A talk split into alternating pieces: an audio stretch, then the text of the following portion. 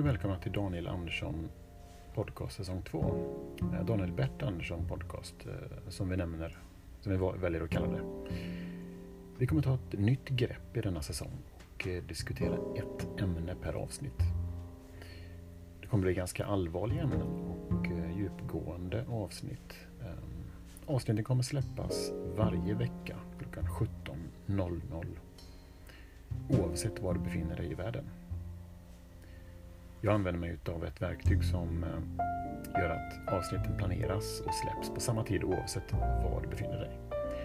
Om klockan är 17.00 i Tokyo så släpps den även 17.00 i till exempel Berlin. Denna vecka kommer vi prata om dating.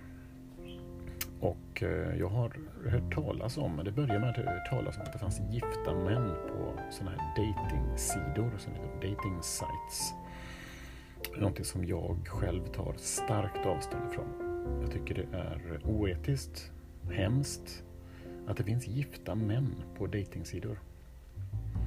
Och det finns eh, säkert många av de här dejtingsidorna. Jag vet inte alls vad de heter och sådär men jag känner till det här. eHarmony och eh, itsjustlunch.com och Hinge och Seeking och JDate Catholic Match, och och Reddit, R4R och Cupid, Ashley Madison, Bumble, Tinder och de här som alla känner till. Men jag är i princip nollställd när det kommer till den här biten.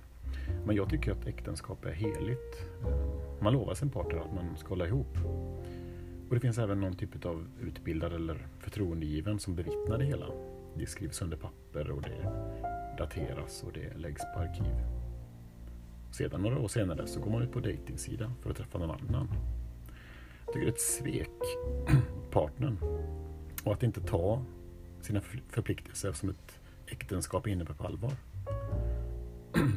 Alla har vi sina situationer och liv och kanske vissa anledningar. Jag ser mig som en öppen person, jag kan förstå. Man kanske inte känner sig sedd i förhållandet och sådär. Åren tickar på och det är bara jobb och hemarbete för hela slanten. Man kanske saknar det där, den där kramen, det där leendet, det där dela samtal med någon. Någon som frågar hur man mår. Och någon som vill veta någonting annat än vad man har köpt för någonting den här gången då. När kreditkortsräkningen kommer till partners mobil direkt och man ser alla detaljer på vad som inhandlats. Även om det kanske bara köps mer, alltså det köps inte mer än strumpor eller någon ny collegetröja som man kanske sett på någon reklamfilm i telefon på väg till jobbet, grå. Jag kan, jag kan leva med att det finns situationer som vissa man längtar efter någonting annat helt enkelt. Någonting ospecificerat kanske börjar men bara för att känna sig sedd för, någon, för någonting positivt också. I de fallen kanske man kan googla runt lite då och se lite vad som, vad som finns och kanske lägga ut en blygsam annons där alla korten är på bordet liksom man har det. Ett ofiltrerat foto från vardagen med en liten beskrivning av vem man är och varför man är på denna dejtingsajten. Spelar ingen stor roll egentligen. Det handlar väl mest om att se vad som händer. Det är lite som den här eh, filmen Broarna i Madison County. Där eh, fotografen från Times Magazine letar efter broar på den amerikanska landsbygden och får hjälp av den här italienskattliga frun vars man och barn är bortresta på marknad över helgen. Och då sa du då, eh, Clint Eastwood, kom ihåg att vad vi gör är inte någonting som du inte kan berätta för dina barn. Just den meningen upprepar han inte längre in i filmen.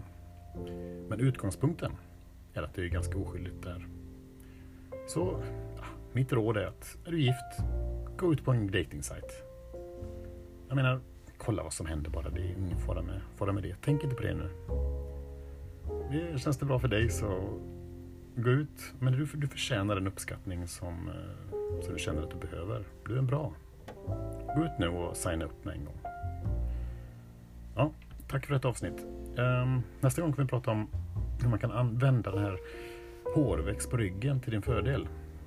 Glöm det här med vaxning och rakning och försöka fråga barnen att raka bort håret medan du sitter på huk där i skammen.